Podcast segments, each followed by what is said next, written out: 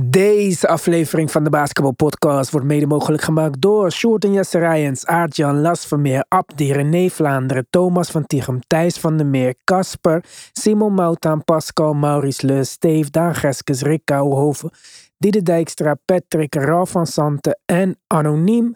Speciale shout-out naar onze GOATs, Robert Heiltjes, Yannick Tjongajong, Wesley Lenting, Robert Lutte, Tarun en Yannick, Samet Kasic en Myron. We zijn natuurlijk op Apple Podcasts, we zijn op Spotify en ik zeg het elke week. We zijn er ook op Petje Af.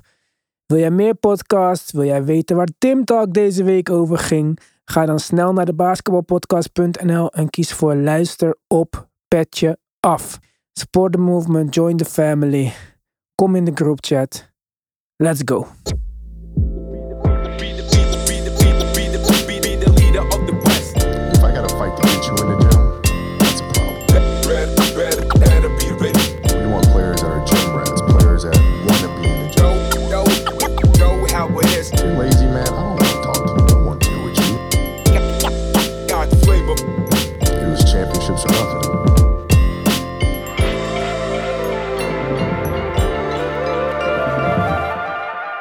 Vers van de pers. De Celtics staan in de Conference Finals.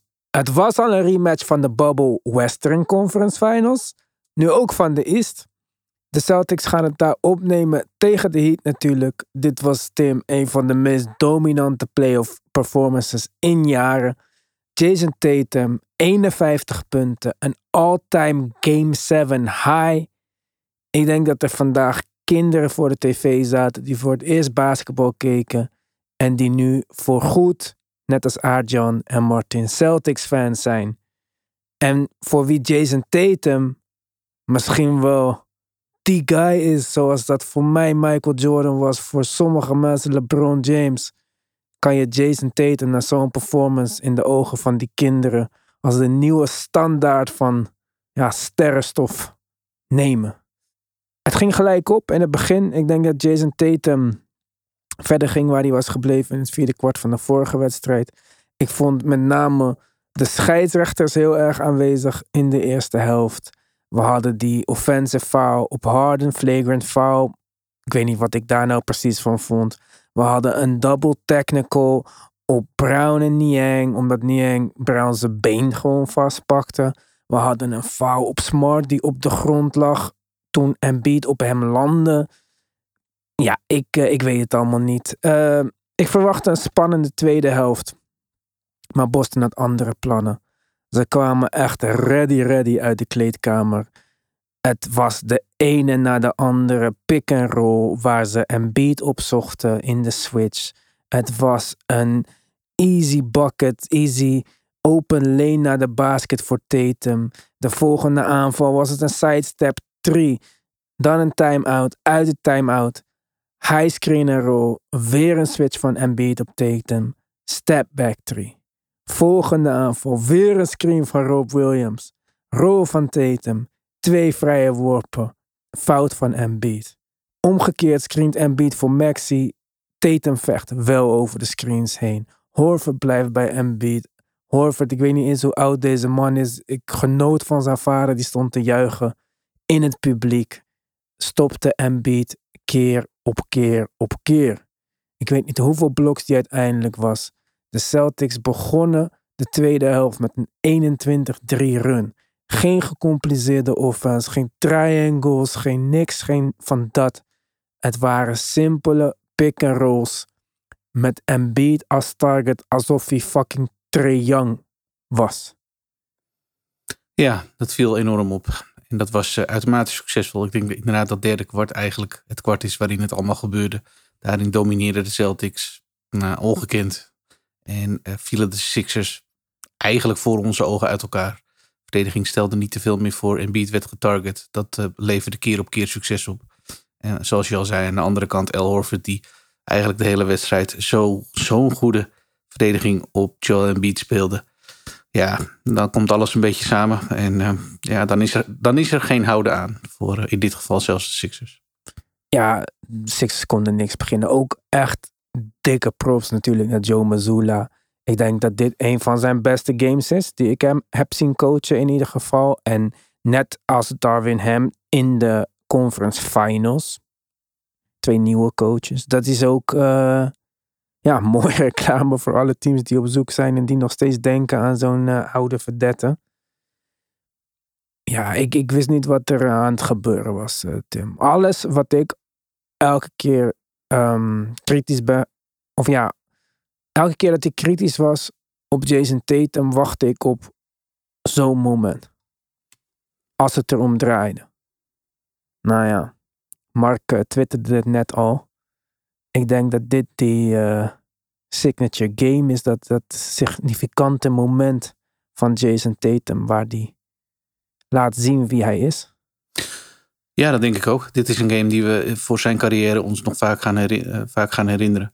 Ehm, de kritiek op, uh, ja, inderdaad, zijn performance in de playoffs of in crunch time, ja, die, die, die werd natuurlijk groter en groter. En hij had wel zo'n game als dit nodig. En het was voor hem niet de eerste keer dat hij in een Game 7 stond natuurlijk.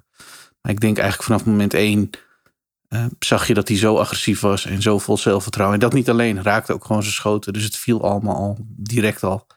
Um, en ik vond absoluut niet dat hij uh, geforceerd oogde of dat hij het, het, het, ging allemaal vrij natuurlijk. En, en het viel direct al. En ja, dat, dat, was, dat stopte gewoon niet meer.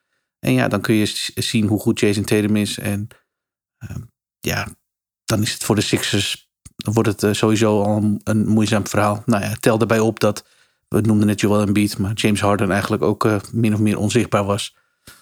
Ja, dan, dan is het voor de Sixers. Dan, dan is eigenlijk het niveauverschil tussen deze twee teams, zoals we in sommige gevallen voor deze serie al voorspeld hadden, wordt dan een beetje zichtbaar. Niet in deze extreme vorm, maar wel gewoon het gegeven dat je weet dat de Celtics in principe het betere team hebben. Nou, als een van de twee eh, sterren aan hun kant dan helemaal losgaat, zoals we nu zagen, de twee sterren aan de andere kant gewoon geen thuis geven. Ja, dan, uh, dan is dit het grote verschil tussen deze twee teams, wat mij betreft. Ja, ik, uh, ik, wat je zei het net, James Harden kwam ook niet echt op gang. Er was een moment dat Embiid naar de bank ging, dat Paul Reed erin kwam en dacht, toen dacht ik van nou, ga maar dan nu even kijken of we James Tate, of wat James Tate, James Harden nog aan kunnen krijgen, zeg maar. Mm -hmm, ja. En wat doen ze? Ze gaan pick and roll spelen met Tyrese Maxey. Harden deed er niet toe, maar Tim, dat is toch tot daar aan toe. Alles wat mij betreft is nog tot daar aan toe. Maar de MVP die nu voor het wat vierde jaar op rij zo'n performance neerzet in de playoffs. Ja, wat mij betreft mag je dan die ster status, sterretje voor zijn naam, achter zijn naam, weghalen. 15 punten, min 28. Ik denk dat hij 60 punten op zijn hoofd heeft gekregen vandaag. Ja, en het gekke is, hij leek in het begin van de wedstrijd. Je, zei het net zelf al eigenlijk. Het begin was, ging best nog wel redelijk uh, gelijk op. En ik vond Joel Embiid ook wel op verdedigend vlak uh, aanwezig. Blokte een paar keer uh, schoten. En nou, eigenlijk leek het alsof de wedstrijd, zoals je net zelf al zei, in de rust een spannende tweede helft tegemoet ging. Dus het was helemaal niet zo alsof we meteen zagen, nou, dit, is een, dit wordt een kansloos verhaal. Want Embiid is er niet of Embiid doet er niet toe. Nee, hij had het wel moeilijk, maar verdedigend was hij aanwezig. Alleen dat veranderde wat mij betreft uh, helemaal in, de, in het derde kwart. Waarin, nou ja, zoals ik al zei, ze beide onzichtbaar waren. En Joel Embiid notabene aan de andere kant nog getarget werd. Ja, dat, dan sta je er als MVP niet, niet mooi op. Daar kunnen, we, daar kunnen we lang of kort over praten. Dat lijkt me een duidelijk verhaal.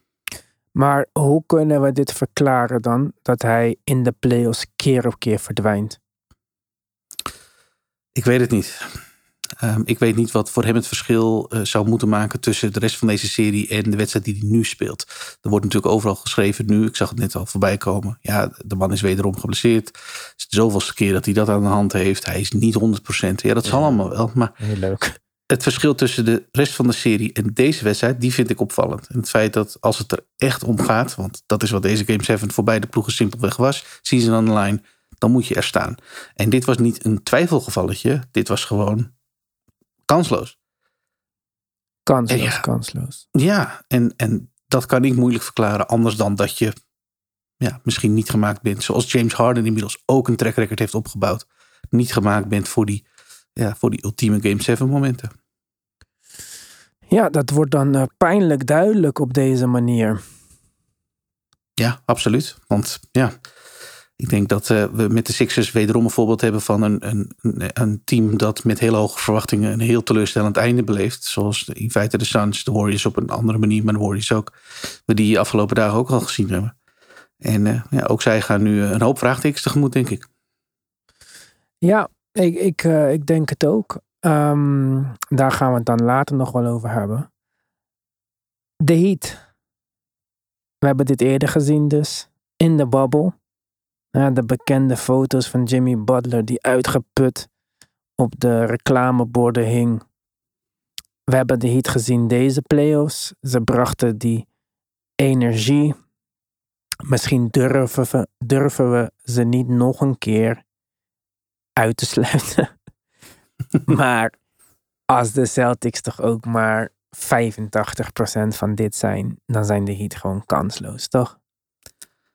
Ja, en ik denk meteen dat je daar de crux ook, uh, ook benoemt van dit Celtics team. Want in feite zeiden we dat ook over deze serie. Tenminste, dat was mijn overtuiging in ieder geval wel. En ja, de Celtics blijven moeite houden om constant het niveau te halen dat ze, waarvan ze wel het potentieel hebben. Waarvan wellicht iedereen wel weet van ja, dit, dit kunnen zij zijn. Alleen ja, ze zijn het niet uh, zomaar even vier keer achter elkaar in een serie.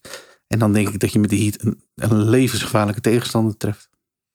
Ja, je kan zeker niet in slaap vallen bij de Heat. Daar ben ik het 100% mee eens. Maar ja, ik kan me niet. Ik, ik weet ook niet hoe het kan dat de Celtics zo'n dominant derde kwart spelen. Wat ze eigenlijk deze hele playoffs nog niet in deze mate hebben laten zien. Ja.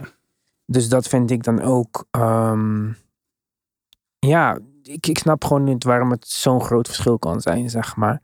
Maar ik denk wel dat bijvoorbeeld ook een uh, Tatum. Het is niet zo dat hij pas nu weer op het laatst goed werd, zoals in de vorige wedstrijd. Hij is eigenlijk sinds het vierde kwart van de vorige wedstrijd niet meer gestopt.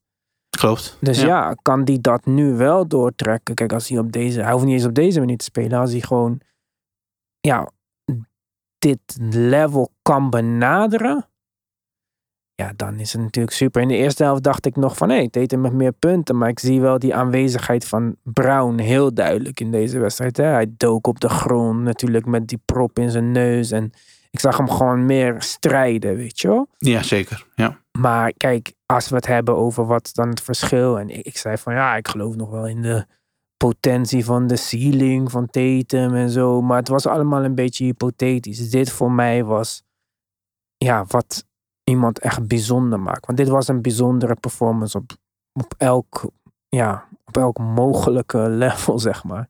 Ja. En um, kijk, normaal had ik misschien gezegd de Celtics hebben het beste team. Maar weer is Jimmy de beste speler op de, van de serie. Omdat hè, Jimmy Jordan in de playoffs. Ja. Maar ja, Tatum op dit level. Ja, dat, dat zal wel een moeilijk verhaal worden. Wat mij betreft ben ik uh, heel benieuwd of Tatum, als uh, hij deze lijn wil doortrekken, of in ieder geval iets van deze lijn zou willen benaderen, niet te veel gaat forceren. En de wedstrijd naar hem toe laat komen, zoals ze dat dan altijd zo mooi noemen. En, en, en niet nou gekke dingen gaat doen op het moment dat hij een bal mist. Of misschien zijn playmaking ehm, mogelijkheden die hij natuurlijk altijd heeft. aan de kant schuiven voor, voor persoonlijk succes. Als hij, als hij dat niet uit het oog verliest, en nogmaals niet te veel gaat forceren, dan, dan denk ik dat, dat, uh, ja, dat we een gereden kans hebben dat hij op deze manier in ieder geval kan doorgaan. Want hij zal nu wel een beetje ritmegevoel, uh, vertrouwen hebben. Wat hij zeker niet altijd deze playoffs heeft gehad. Want het was, ja, het was erg up en down. En uh, zeker niet overtuigend zoals, we, zoals we vandaag hebben gezien. Ja, maar als de Celtics zo blijven schieten, dan kunnen de Heat in ieder geval die zone defense vergeten. Ja, ja. Want die ja. drie's vlogen er echt achter elkaar in. Niet alleen Ja. van Tatum, ook van Jalen Brown. Het was van Horford trouwens. Horford ook hoor. Eh, eh, het is misschien voor sommige mensen een saaie speler of zo. Maar tering, hé. op deze leeftijd zo'n performance neerzet tegen de MVP van de league. Ja. Nou, dat is niet, eh niet mis. Tegen de hoor. man waar hij naast moest spelen. Ja, precies. Hij kent hem misschien ook beter dan andere, andere spelers. Nou, Maar hij had hem gewoon in zijn zak. Ja, ja, ja. Dit, en we hebben, we hebben zo'n stretch, een goede verdedigende stretch op Joel Embiid van hem eh, al gezien deze serie. Maar dat was in die slotfase van de wedstrijd die ze eh, uiteindelijk verloren. En dat was dus maar een, een paar minuten. Dat viel al enorm op, omdat het inderdaad zo overtuigend was toen. Nou, en nu deed hij het gewoon eh, vrijwel een hele wedstrijd. Ja, ongelooflijk dat hij dat er nog uit kan persen. En dan kijk je naar de boxscore en dan denk je, ja, oké, zes punten, twee op vijf van drie. Ja, het zal wel. Nee, nee, nee, nee. El Horford was absoluut een van de meest impactvolle spelers, los van Jason Tatum, een van de meest impactvolle spelers ehm, eh, van de Celtics deze wedstrijd. Want ja, zijn defense op Embiid was, was heel bepalend. Ja, maar daarom, die statistieken en zo, die, die zeggen helemaal niks, joh. Zeker voor hem niet. Nee. Nee, als je deze wedstrijd hebt ge- gekeken, dan heb je gezien, net zoals dat dit voor Jason Tatum op scorend vlak gewoon een, een legendary game was, zo vond ik dit voor Al Horford op defensive vlak een legendary game. Absoluut. En zo Ja. vond ik dit dus ook voor Joe Mazzulla een legendary game. En, en Doc Rivers moet nooit meer coachen in de NBA. er bestaat geen, geen wereld waarin jij echt... in- Ik over, normaal overdrijf ik soms als ik getallen zeg. hè, Gewoon tien keer op rij hetzelfde laat gebeuren. Ja. Op een gegeven moment zou ik gewoon zeggen, bro, het boeit niet of je er niet overheen komt. Dan gooi die screen maar omver. Maar je gaat niet meer onder het screen door. We gaan niet switchen. Nee. Nee, dat, eh, dat, dat werd. Ja, dat, dat was eh, eh, rijp, voor, eh, rijp voor de slag. Ze werden lekker geschoten daarmee. Ja, dat kan toch niet? Ja, ik, ik weet niet hoor. Dat vind ik niet...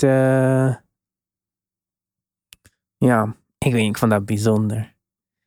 Nee, niet getuigen van veel aanpassingsvermogen. Nee, goed. Daar staat hij ook niet per se onbekend. En, Ja, zeker niet. Dat snap ik ook. Maar ja, ik vond het zelfs nog naar zijn status een slechte wedstrijd, zeg maar. Hij moet ontslagen worden. Je kan mij niet vertellen dat hij volgend jaar terugkomt.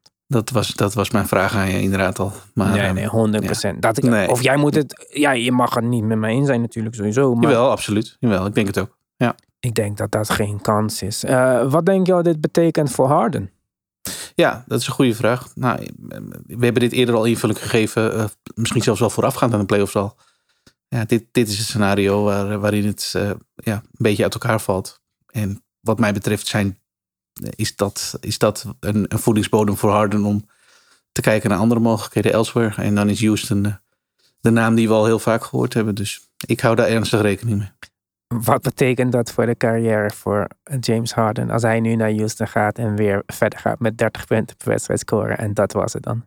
James Harden is eh, momenteel eh, bezig met geld cashen in dat geval. En ik denk niet dat hij snel weer dicht, dichterbij komt dan, dan wat hij nu met de Sixers was. Want in alle redelijkheid, eh, ze, ze zijn ver gekomen. En ze hadden een, een serieus goed playoff team staan.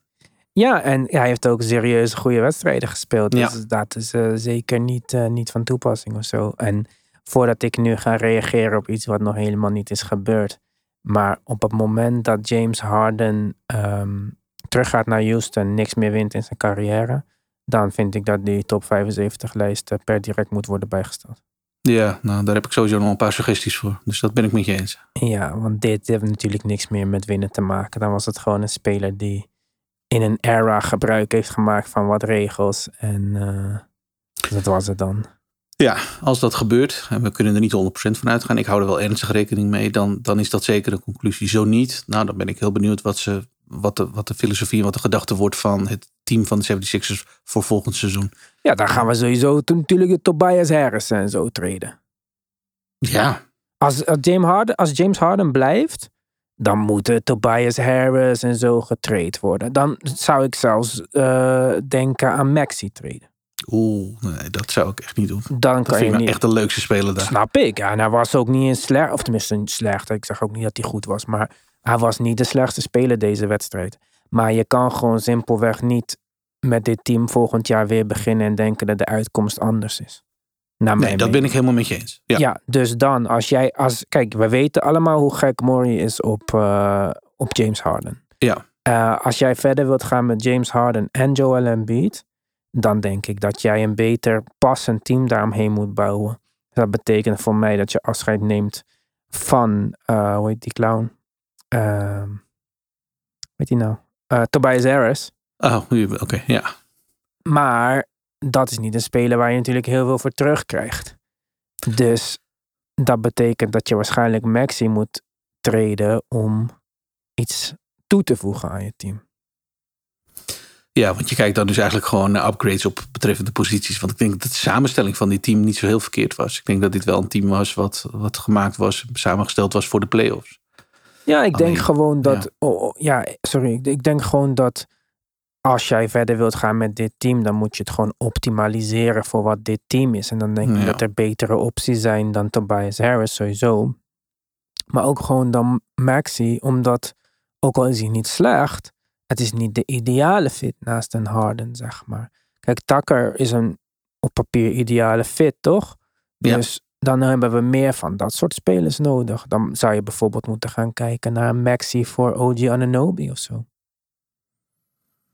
Ja, ja leef je wel wat scoring in, hè? Ja. Ja, maar ja, oké. maar ja, we, we bouwen dan om. Ik kan me niet voorstellen dat ze om deze twee mensen heen gaan bouwen. Maar we, we bouwen dan om deze twee mensen heen. Ja, Ja, dan, dan is ja. dat jouw keuze. Mhm. Dus ik ben echt super benieuwd hoe zij dat verder gaan oppakken. Ik ben super benieuwd ook hoe de volgende ronde eruit ziet. Eh, wij hebben al een deel opgenomen over de Western Conference natuurlijk, over de Monty Williams. Daar kunnen jullie nu naar luisteren. Zal iets wat switch van energie zijn hè, als we zo vol adrenaline uit een eh, Game 7 Elimination Game komen. Maar ehm, ja, ook dit afscheid eh, zou eigenlijk aan het einde van de aflevering moeten. Maar ja, wat maakt het uit? We gaan zo meteen beginnen met het voorbeschouwen van de Western Conference Finals. Maar eerst wat ander nieuws uit het Westen. Coach van de Suns. Ja, die is eh, eh, nou ja, ontslagen. En de ge- de geruchten en de berichten waren er al een klein beetje naar, eh, naar de uitschakeling, die natuurlijk teleurstellend was. Aan de andere kant had hij, nou ja, kan hij een aardige record overleggen voor wat betreft zijn periode bij, bij de Suns. Maar goed, de mededeling kwam voor ons afgelopen nacht alsnog dat hij door, nou ja, in feite met Ispia, want ik denk wel dat de invloed van de eigenaar eh, van de Suns duidelijk voelbaar wordt, op straat is gezet. Dus eh, ja, dit is er wel eentje die, eh, nou ja, zoals ik al zei, op zijn minst opvallend genoemd mag worden. Denk ik tenminste. Wat vind jij? Ja, kijk, je zei het al. aardig succesvol was hij zeker. Volgens mij de, het meest winnende seizoen ooit in de geschiedenis van de Suns. Met 64 winst of zo. Het was het vorig jaar. Ja. En volgens mij ook het beste record qua coaching over de laatste twee jaar in de NBA. Mhm. Dus dat lijkt me allemaal best wel aardig. Toch twee keer op rij in de um, playoffs kansloos zou ik het niet willen noemen. Maar niet overtuigend naar huis gegaan, laten we het zo zeggen. Ja. Eh, voor beide situaties waren excuses op te noemen natuurlijk. Ook in dit geval dat Chris Paul geblesseerd was. Nieuw team, kort bij elkaar, missen wat diepte. Er zijn ook wat dingen waar je wel bij Monty Williams een beetje de schuld kunt zoeken. Dat is bijvoorbeeld de prestaties van DeAndre Ayton. Misschien over een paar jaar ehm, vinden we dat heel anders. Als hij naar een nieuw team gaat en daar helemaal flamed out, zeg maar. Dan zeggen we ja, het lag aan Ayton. Maar nu lijkt het toch ook een beetje van de schuld bij Monty Williams te liggen. Hij had geen contact met hem van de zomer. Vorig jaar in de playoffs liep het al niet met hem. En deze playoffs was hij vrijwel niet aanwezig. Ook al speelden ze natuurlijk wel tegen een team die op zijn positie ja, nogal wat eh, om te handelen in huis heeft, zeg maar. Maar ik denk dat al met al, ehm, ja, misschien ook wel tijd was voor een nieuwe coach. Ik weet niet hoe erg Monty Williams het zelf vindt. En wat betreft de Matt Ispia, we hebben het erover gehad in de vorige aflevering. Toen zei Francisco nog van, eh, nou, die reputatie van Monty Williams is zo hoog, dat gaat waarschijnlijk niet gebeuren. En toen zei ik ook, nieuwe coach, meestal wil hij zijn eigen plannen trekken. Hij heeft natuurlijk daar eh, KD binnengehaald. Kan je zeggen, ja, maar de GM, nee, nee, nee, dat was gewoon met Ispia. Ehm, nu gaat hij zijn eigen coach uitkiezen. Met Isaiah Thomas die in zijn oor fluistert. Want dat schijnt een van zijn meest eh, vertrouwde adviseurs te zijn. Ja. Nou, eh, met alle respect voor Isaiah Thomas zijn spelercarrière. In front office dingen en coaching heeft hij het niet super gedaan. natuurlijk ook eh, heel close met James Dolan. Dus misschien heeft eh, James Dolan wel Isaiah gestuurd om Monty Williams vrij te maken, zodat de Knicks hem binnen kunnen halen. Kijk, dan vind ik het allemaal een super plan. Ja, maar inderdaad, het is een van zijn vertrouwelingen. Hij komt uit Michigan, groeide op als, eh, als fan van de Bad Boys. Eh, ja, dus die, connectie was uiteindelijk snel gelegd toen hij eh, niet alleen zelf basketballer was, maar daarna ook succesvol zakenman werd. Dus eh, ja, inderdaad, het zal, het zal te zien zijn wat dat eh, gaat opleveren wat betreft de nieuwe coach. En, en ik denk aan de andere kant ook wat eh, eh, Monty Williams eh, nu gaat doen. Want eh, ja, zijn naam zingt overal wel rond. Eh, in zijn algemeenheid staat hij er goed op. Stond hij er goed op in de NBA als coach zijnde.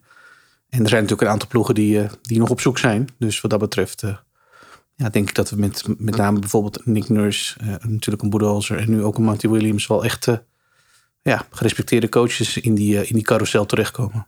Ja, jij, we hadden het daar voor de uitzending even over. Jij zag het wel zitten als Monty naar de bak zou gaan. Ja, En ik had dacht daarmee van ja, maar wat is dan het goal van de Bucks? Want zij zijn al championship level. Dan wil je het liefst een coach die ze over de drempel kan helpen. En dat is nou precies wat Monty eigenlijk niet heeft gedaan. Hij heeft gewoon vooral gevlamd in de regular season. Dus ik, ik weet niet of dat de coach is die zij zoeken.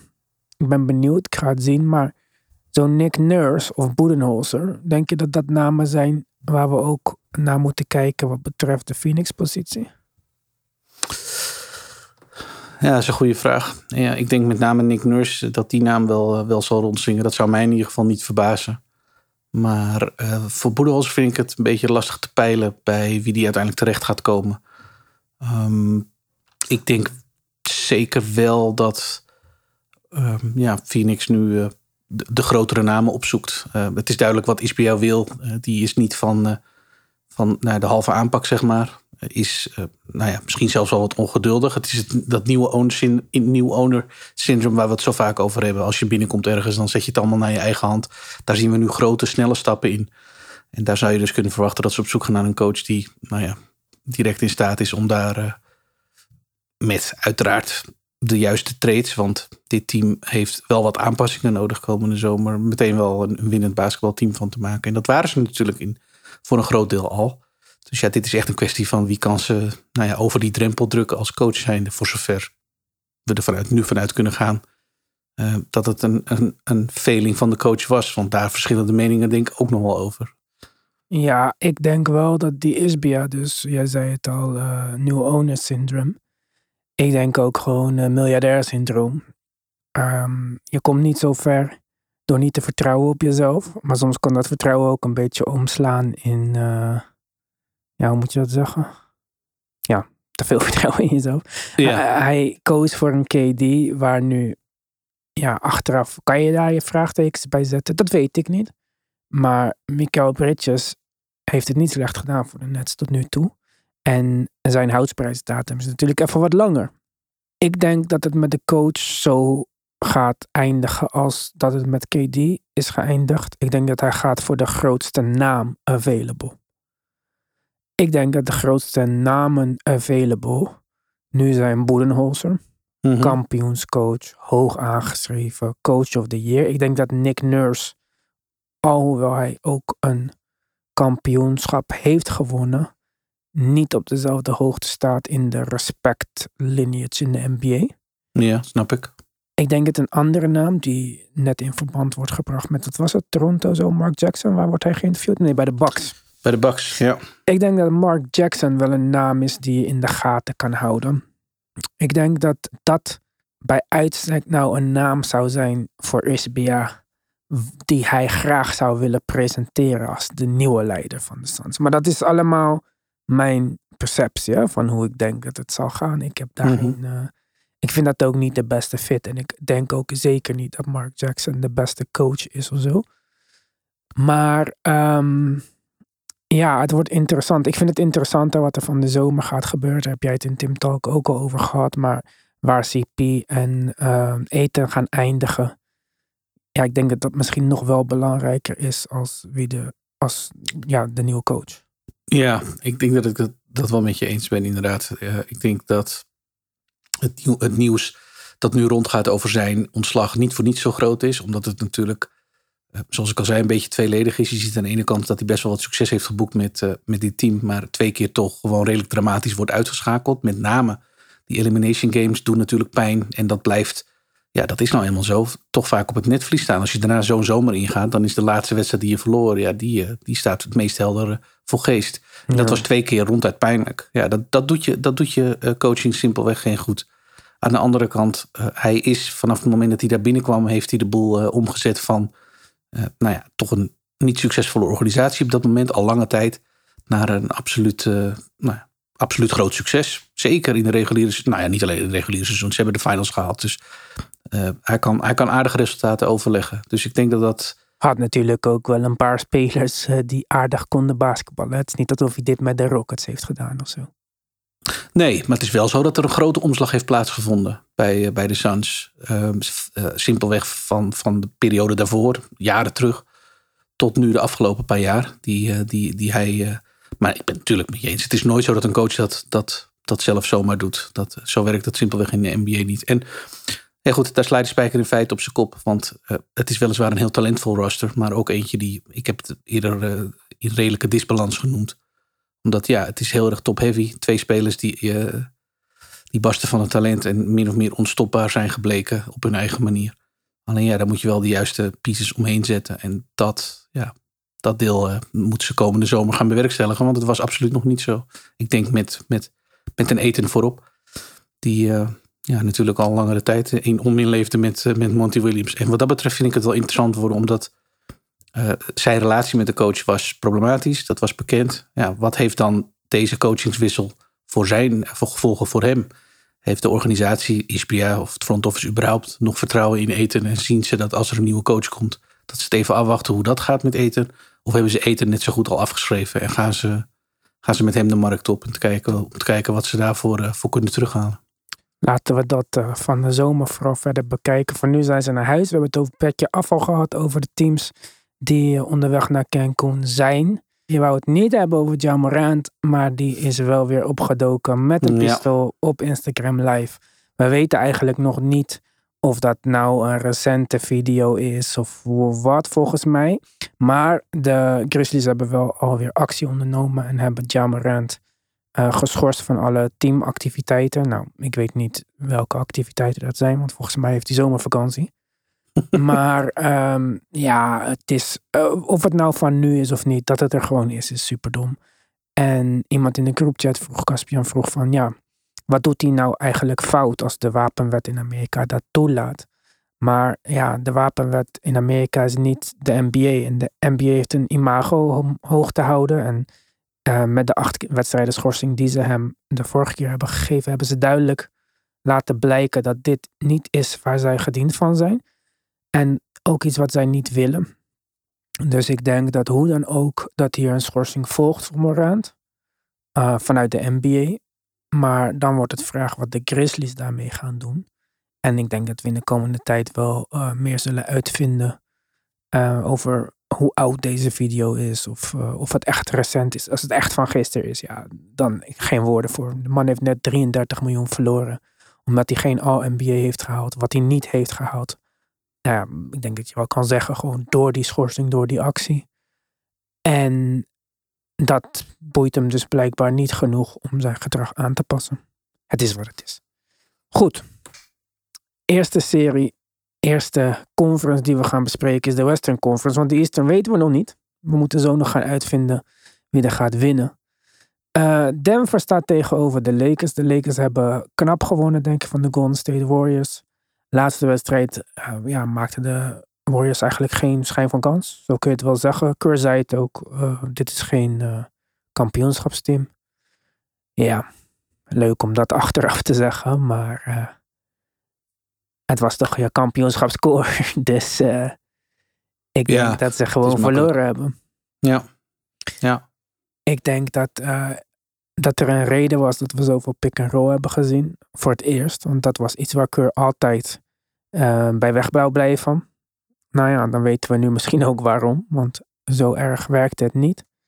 Lakers hebben goed verdedigd in het algemeen. Maar vooral met dit hoge aantal pick and rolls was het voor hem aanzienlijk veel makkelijker om Clay te isoleren. Die eigenlijk de hele serie niet op gang is gekomen. Nou goed, wat de Warriors met Clay moeten doen hebben we al besproken. Maar ik denk dat de Lakers vol met zelfvertrouwen naar de conference finals gaan. Darwin Ham al gezegd dat LeBron nog reserves in zijn tank hield voor de rest van de playoffs. Vond ik op dat moment nog een beetje kaki, maar hij heeft gelijk gekregen. Dus uh, ja, Tim, tegen de Nuggets. Maken ze kans of uh, eindigt hier nou echt uh, het jaar voor de Lakers? Nee, nee, nee. Ik ga niet meer zeggen dat de Lakers geen kans maken. Want ze hebben wel afgedwongen dat je, ze, dat je ze meer dan serieus moet nemen. Dat ze tegen iedereen een kans maken. En ik denk in dat opzicht, als je ziet hoe de playoffs gelopen zijn, heb je ook echt wel te maken met de, de twee beste teams uit het Westen. Want de Lakers gaan het nu opnemen tegen misschien wel de best lopende aanval in het Westen. Zeker deze playoffs ook.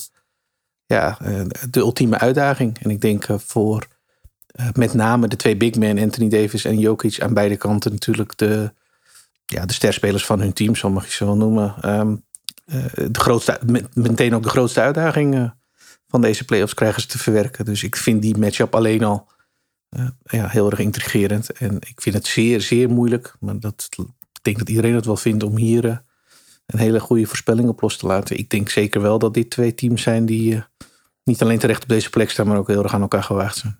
Ja, je zei al matchup. Nou, als we kijken naar de matchups dan denk ik dat daar één key naam is. In ieder geval voor mij. En ik ben ja. benieuwd wat jij daarvan vindt. Um, kijk, Jokic en Davis. Davis gaat misschien uh, weer om de beurt een goede wedstrijd hebben. Als dat zo doorgaat als dat hij eerder in deze playoffs heeft gedaan. Maar ik gok ook zomaar dat Jokic één of twee wedstrijden sowieso in foul trouble komt. Want ja. uh, hij krijgt hier te maken met zijn moeilijkste tegenstander op zijn positie. Ervan uitgaande dat hij ook gedeeltes uh, hem guard. Wat hij sowieso gaat doen, ook al uh, wil hij dat niet. Want hij zal toch worden betrokken in de pick and roll en zo. Maar um, ja, de Lakers zijn goed in fout uitlokken. Ze zijn het meest naar de vrije worp gaande team, denk ik, in deze playoffs. Mm -hmm, ja. Dus dat, dat wordt lastig. Jokic kan je wel hier en daar lokken om een foutje te maken. Dus net zoals dat Davis misschien wedstrijden er niet zal staan, zal Jokic misschien wedstrijden wat minder spelen door dat. Dus die evenen each other out, denk ik. Ook al zou ik de overhand nog steeds aan Jokic geven natuurlijk. Alleen als Jokic niet speelt, hoe goed is Denver dan? Als Davis niet goed speelt, hoe goed zijn de Lakers dan? Ook wel weer een verschil. Maar anyway, uh, we gaan zien hoe Aaron Gordon gaat schieten. Ze beginnen thuis, dat werkt in zijn voordeel. Uh, iemand zal hem moeten verdedigen. Hij zal veelal vrijgelaten worden, denk ik. Omdat er toch geholpen zal moeten worden op Michael Porter Jr. Die je beslist niet alleen kan laten staan. En Jokic die natuurlijk ja, altijd uh, ja, bijna elke aanval een uh, double team vereist. Dus die zal schoten moeten gaan raken. Ik vind dat Michael Porter Jr. tot nu toe een hele goede playoffs heeft gehad. Ik denk dat zijn aantal schoten omhoog mogen. Hij schiet volgens mij boven 40%, maar zijn attempts zijn lager dan in de regular season. Dus ik ben benieuwd of de Nuggets daar iets voor kunnen bedenken. Kijk, we hebben de KCP's, we hebben de Browns en zo. En aan de andere kant natuurlijk LeBron, die het um, in ieder geval moeilijk gemaakt zal uh, worden door KCP en Aaron Gordon en wie ze ook op hem zetten. Maar voor mij is de, dus de keynaam, waar ik het uh, lange verhaal mee begon, Jamal Murray. Ik denk dat van alle sterspelers in deze serie, dus Davis, LeBron, Jokic, etc., uh, hij de makkelijkste matchup heeft. En dan zeg je makkelijk. Ja, Schreuder heeft ook achter, uh, achter dingen staan gelopen, achter, achter Stef. En dat ging ook aardig sinds die change is gemaakt natuurlijk. En dat ja. klopt. Maar uh, het weegt nog steeds niet op tegen waar de andere sterren het tegenop moeten nemen. Gordon heeft bijvoorbeeld een hele goede serie gespeeld. Ik denk dat dit voor LeBron ook zijn moeilijkste tegenstander wordt. En uh, Davis en Jokic dus idem dito. Jokic heeft het ook nog niet opgenomen tegen mogelijk een van de beste post-defenders in de NBA. Dus ik denk dat Jamal Murray uh, de X-factor wordt. Voor, zeker voor de Nuggets. Maar ik denk in de serie. Uh, op het moment dat hij zo speelt als Bubble Murray en wat hij in de eerste ronde van de playoffs heeft laten zien, ja, dan opent dat zo erg de vloer voor uh, de Nuggets dat die aanval waar je net al naar refereerde bijna ja, onstopbaar wordt. Ze hebben shooters, ze hebben inside presses. Jokic scoort op belachelijke manieren. En dan Murray nog. Op op het moment dat ze hem aan banden kunnen leggen, dan denk ik dat het een lastig verhaal wordt voor de Nuggets. Ja, en ik denk dat de Lakers met, uh, met name met Vanderbilt er wel eentje in huis hebben die dat uh, goed zou kunnen. Die daar in ieder geval toe in staat is. Nou, het probleem met Vanderbilt hebben we ook gezien. Dat wordt aan de andere kant steeds meer problematisch en problematischer. Dus uh, voor de Lakers denk ik ook alweer een afweging. Ja, moeten we dat op de koop toenemen om, om Jamal Murray aan de andere kant zoveel mogelijk aan banden te kunnen leggen. Of in ieder geval de beste poging daartoe te ondernemen. Of kiezen we voor een andere matchup omdat we verder onze eigen plannen daar niet zoveel uh, door laten beïnvloeden. En we kijken gewoon hoe Jamal Murray misschien zelfs de eerste twee wedstrijden in Denver opent. En in hoeverre hij een factor gaat zijn. Ik denk dat ik het met je eens ben als je zegt dat hij in feite dan de X-factor van, uh, van deze serie gaat worden. Uh, afhankelijk van hoe de Lakers hem kunnen stoppen. ja, kunnen de, kunnen de Nuggets, kan de Nuggets offense echt draaien. En als dat zo is, daar hebben we al voorbeelden van gezien. Ja, dan, uh, dan zijn ze moeilijk af te stoppen. Maar goed, het is absoluut geen gegeven dat dat gaat gebeuren. Dus wat mij betreft, uh, ja, ik ben het met je eens. Ik denk dat die matchup heel uh, belangrijk gaat worden. Ja, kijk, zoals we ook al de vorige uitzending zeiden, of patch off, ik weet niet meer. Maar die Lakers score is solid. Om de beurt stond er iemand anders op. Nou, ik denk dat dat is niet per se iets wat je kunt voorspellen van tevoren. Maar dat is wel uh, herhaalbaar. Helemaal als je veel spelers hebt die om de beurt kunnen opstaan. Ja. Dus dat wordt interessant. Ik denk dat dit niet de serie van Reeves wordt. Die zal het wat lastiger krijgen als tegen de Warriors, denk ik. Maar um, voor hetzelfde geld krijgen we weer een rooie game. Of uh, ja, whatever. Dilo kan ook losgaan tegen Jamal Murray. Dus um, het wordt heel interessant, denk ik. Ik denk dat het heel interessant wordt um, om te zien hoe de aanpassingen gaan verlopen in deze serie. In de vorige serie heeft Michael Malone niet zoveel aanpassingen hoeven maken. Met het uitvallen van CP uh, was het misschien eventjes um, een beetje zoeken. Maar ja, je, je, moest het opnemen tegen twee sterren en verder niet zoveel. En dat is bij de Lakers natuurlijk niet het geval. En dat hebben we heel duidelijk kunnen zien deze playoffs. Het zijn de twee sterren en dan de rest. En op any given night kan een van de rest een avond een ster zijn. Dus ja. dat wordt lastig, denk ik, voor de Nuggets. En ik ben benieuwd of de coach daar aanpassingen kan maken. Zoals we dat toch bij heel veel coaches hebben gezien, deze playoffs, dat dat lastig blijft. Um, qua Lakers, ik denk dat ze thuis heel goed zijn. En ik denk ook dat we die eerste vier wedstrijden eindigen met een 2-2 stand. Ja, dat lijkt mij ook het meest uh, realistische scenario. Of tenminste het meest uh, te verwachten scenario. Ja, ja ik denk dat, dat ze wel hebben bewezen dat zij thuis vooral een team zijn ja, waar je toch maar uh, echt rekening mee moet houden, zeg maar. Um, wat zou jouw voorspelling zijn voor de serie als je er toch één moet maken? Ik weet dat het niet, bijna niet te zeggen is, maar... Nee, nou dan ga ik uh, even uit van, van de volgende context. Wat mij betreft uh, praat je over de nummer 1 offense tegen nummer 1 defensive team. wat ik gezien heb is dat zowel voor de Nuggets geldt dat als ze veel transition, dus veel tempo aan de andere kant om hun oren krijgen, dat, dat, dat ze dat moeilijk vinden. wat, wat mij betreft ook betekent dat als de, de serie ver en diep gaat, want ik ga eerlijk gezegd uit van een, een hele lange serie, ja, dan gok ik erop dat de Nuggets fitter zijn. Daar ga ik even vanuit nu. Ik denk vooral dat dat uh, iets wordt fitter waar je naar moet kijken als het uh, de Jokic-Davis matchup betreft. Ja. Ik denk dat uh, dit voor AD een van de moeilijkste matchups wordt. Ik zeg niet dat hij het niet kan, maar het wordt wel een van de moeilijkste one-on-one matchups die hij in een hele lange tijd is aangegaan. En um, die aanvallende uh, krachten van de Nuggets, die beweging en zo. D dit gaat hem een hoop uh, energie kosten. En ik weet ja. niet of zijn conditie op het level is als die van Jokic. Ook al als je naar ze zou kijken, zou je dat misschien niet verwachten. Maar ik denk dat Jokic wel heeft be uh, bewezen dat zijn conditioning echt op een ander level is. Uh, recent zeker. En ik denk inderdaad dat voor Jokic echt de opdracht simpel is. Zorg dat je uit foul trouble blijft. Op het moment dat dat zo is, nou, dan kan hij uh, inderdaad spelen naar zijn kracht. En dan wordt het eh, voor Davis eh, ja, veel, veel pressie. Op een, op een manier die hij nog niet heeft gezien deze playoffs. En ik denk dat het andersom net zo goed het geval is. Die, die matchup is echt intrigerend. Want in feite zijn zij de twee beste big men die we in deze playoffs eh, aan het werk hebben gezien.